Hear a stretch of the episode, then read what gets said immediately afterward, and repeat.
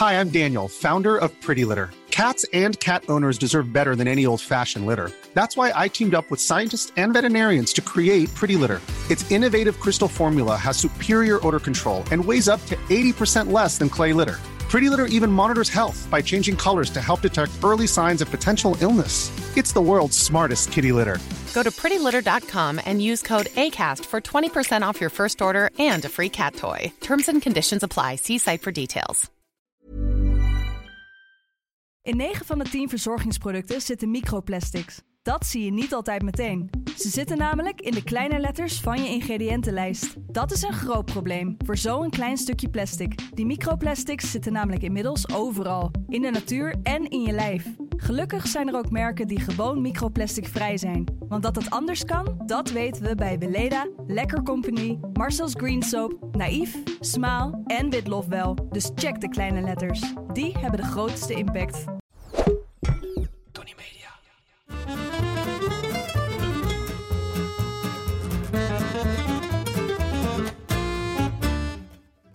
Ben Julius Jaspers en ik ben meer dan dol op eten. Iedere week pak ik één product uit mijn voorraadkast en zal jullie daar alles over vertellen. Vandaag is dat chocolade. Ik zal er geen doekjes om winden. Ik ben dol op chocolade. Wit, melk en puur, zolang het onder de 85% is. In taart, mousse, een lekkere warme chocomel met een dot slagroom of gewoon los een blokje. Ik kan er geen genoeg van krijgen. En ik ben niet de enige in mijn huishouden. Oger, mijn Basset, opgevoed door een labrador, die lust er ook pap van. Of hij dacht dat die grote chocolade paashaas die hij opgegeten heeft een echte haas was. Helaas heeft onze vrede schepper het lekkerste snoep zeer giftig gemaakt voor het liefste dier op aarde. 1 gram chocolade per kilo lichaamsgewicht kan dodelijk zijn voor honden. Enfin, met piepende Pirelli's waren we binnen een kwartier in het ziekenhuis en na een kleine injectie kwam de paashaas weer via dezelfde route naar buiten.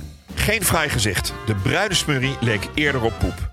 Maar de ruimte rook daarna heerlijk naar Toblerone. De chocolade die we tegenwoordig eten als zoete tractatie is niet te vergelijken met de bittere drank die vroeger chocolatl werd genoemd.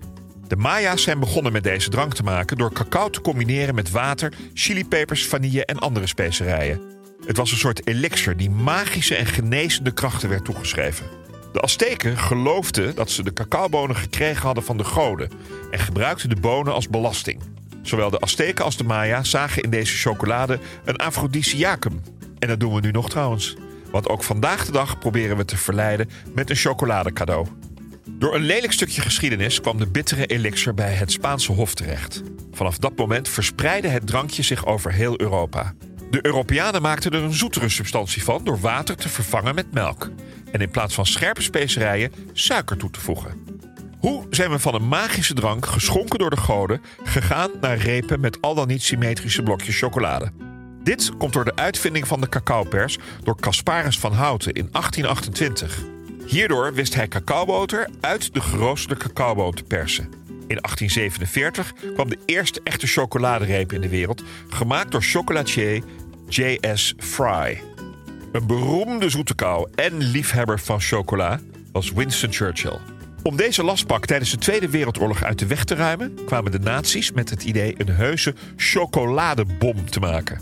Deze zou ontploffen als er een stukje vanaf werd gebroken. Het plan is nooit uitgevoerd. Waarschijnlijk konden ze er geen chocola van maken. Zoals iedere week is er weer een hamvraag die niet over ham gaat. Deze week van Newfy underscore Bo. Beste Julius, heeft chocolade ook een houdbaarheidsdatum? Nou Bo, goede vraag. Heb ik ook een goed antwoord op. Uh, chocola kan je over het algemeen zomaar een jaar bewaren. Maar pas op, niet in de koeling. Daar vindt een soort oxidatie, condensatie, ik weet niet precies wat plaats, zodat er allemaal witte vlekken opkomen. De chocola wordt daar niet lekkerder van. Dus Bo, bewaar je chocola lekker in de voorraadkast. Maken van chocolade is geen sinecure en een hoop werk. Het behelst fermenteren, drogen, roosteren, pellen, walsen, concheren. Dat is urenlang omroeren, toevoegen van smaak, weer walsen, rijpen, opwarmen, tempereren. Dat is opwarmen en weer terugkoelen om vervolgens weer te verwarmen. De grote barbatruc is om het smeltpunt van de chocolade zo te krijgen dat die net onder lichaamstemperatuur is, zodat de boel goed smelt in de mond. Chocolade heeft een gunstig effect op hart- en bloedvaten, mits in mate geconsumeerd. Ook maakt chocola endorfine, dopamine en serotonine vrij in je lichaam. De aanwezige anandamide, verwant aan THC wat je vindt in cannabis, zou in theorie verslavend kunnen werken.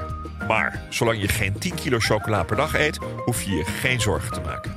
En als je wel 10 kilo chocola per dag eet, heb je waarschijnlijk andere dingen om je zorgen over te maken. Het begrip Belgische en Zwitserse chocolade betekent alleen maar dat de chocolade daar al dan niet ambachtelijk wordt gemaakt.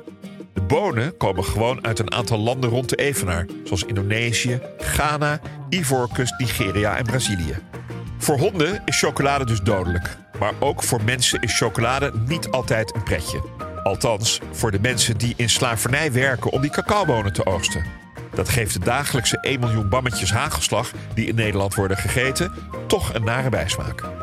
Tot slot het geheim van de chef. Wil je zelf iets maken met chocolade? Klik dan op de link in de beschrijving van deze aflevering voor mijn chocoladetaart. Met behalve de naamgever alleen maar boter, suiker, eieren en een lepel bloem. Dat was hem over chocolade. Zeker niet alles, maar best wel wat. Wil je meer weten over iets in je voorraadkast? Of heb je een hamvraag die niet over ham gaat? Stuur dan op Instagram een bericht naar Julius Jaspers. De volgende keer heb ik het over ui. Dag. In 9 van de 10 verzorgingsproducten zitten microplastics. Dat zie je niet altijd meteen. Ze zitten namelijk in de kleine letters van je ingrediëntenlijst. Dat is een groot probleem voor zo'n klein stukje plastic. Die microplastics zitten namelijk inmiddels overal, in de natuur en in je lijf. Gelukkig zijn er ook merken die gewoon microplastic vrij zijn. Want dat het anders kan, dat weten we bij Weleda, Lekker Company, Marcel's Green Soap, Naïef, Smaal en Witlof wel. Dus check de kleine letters. Die hebben de grootste impact.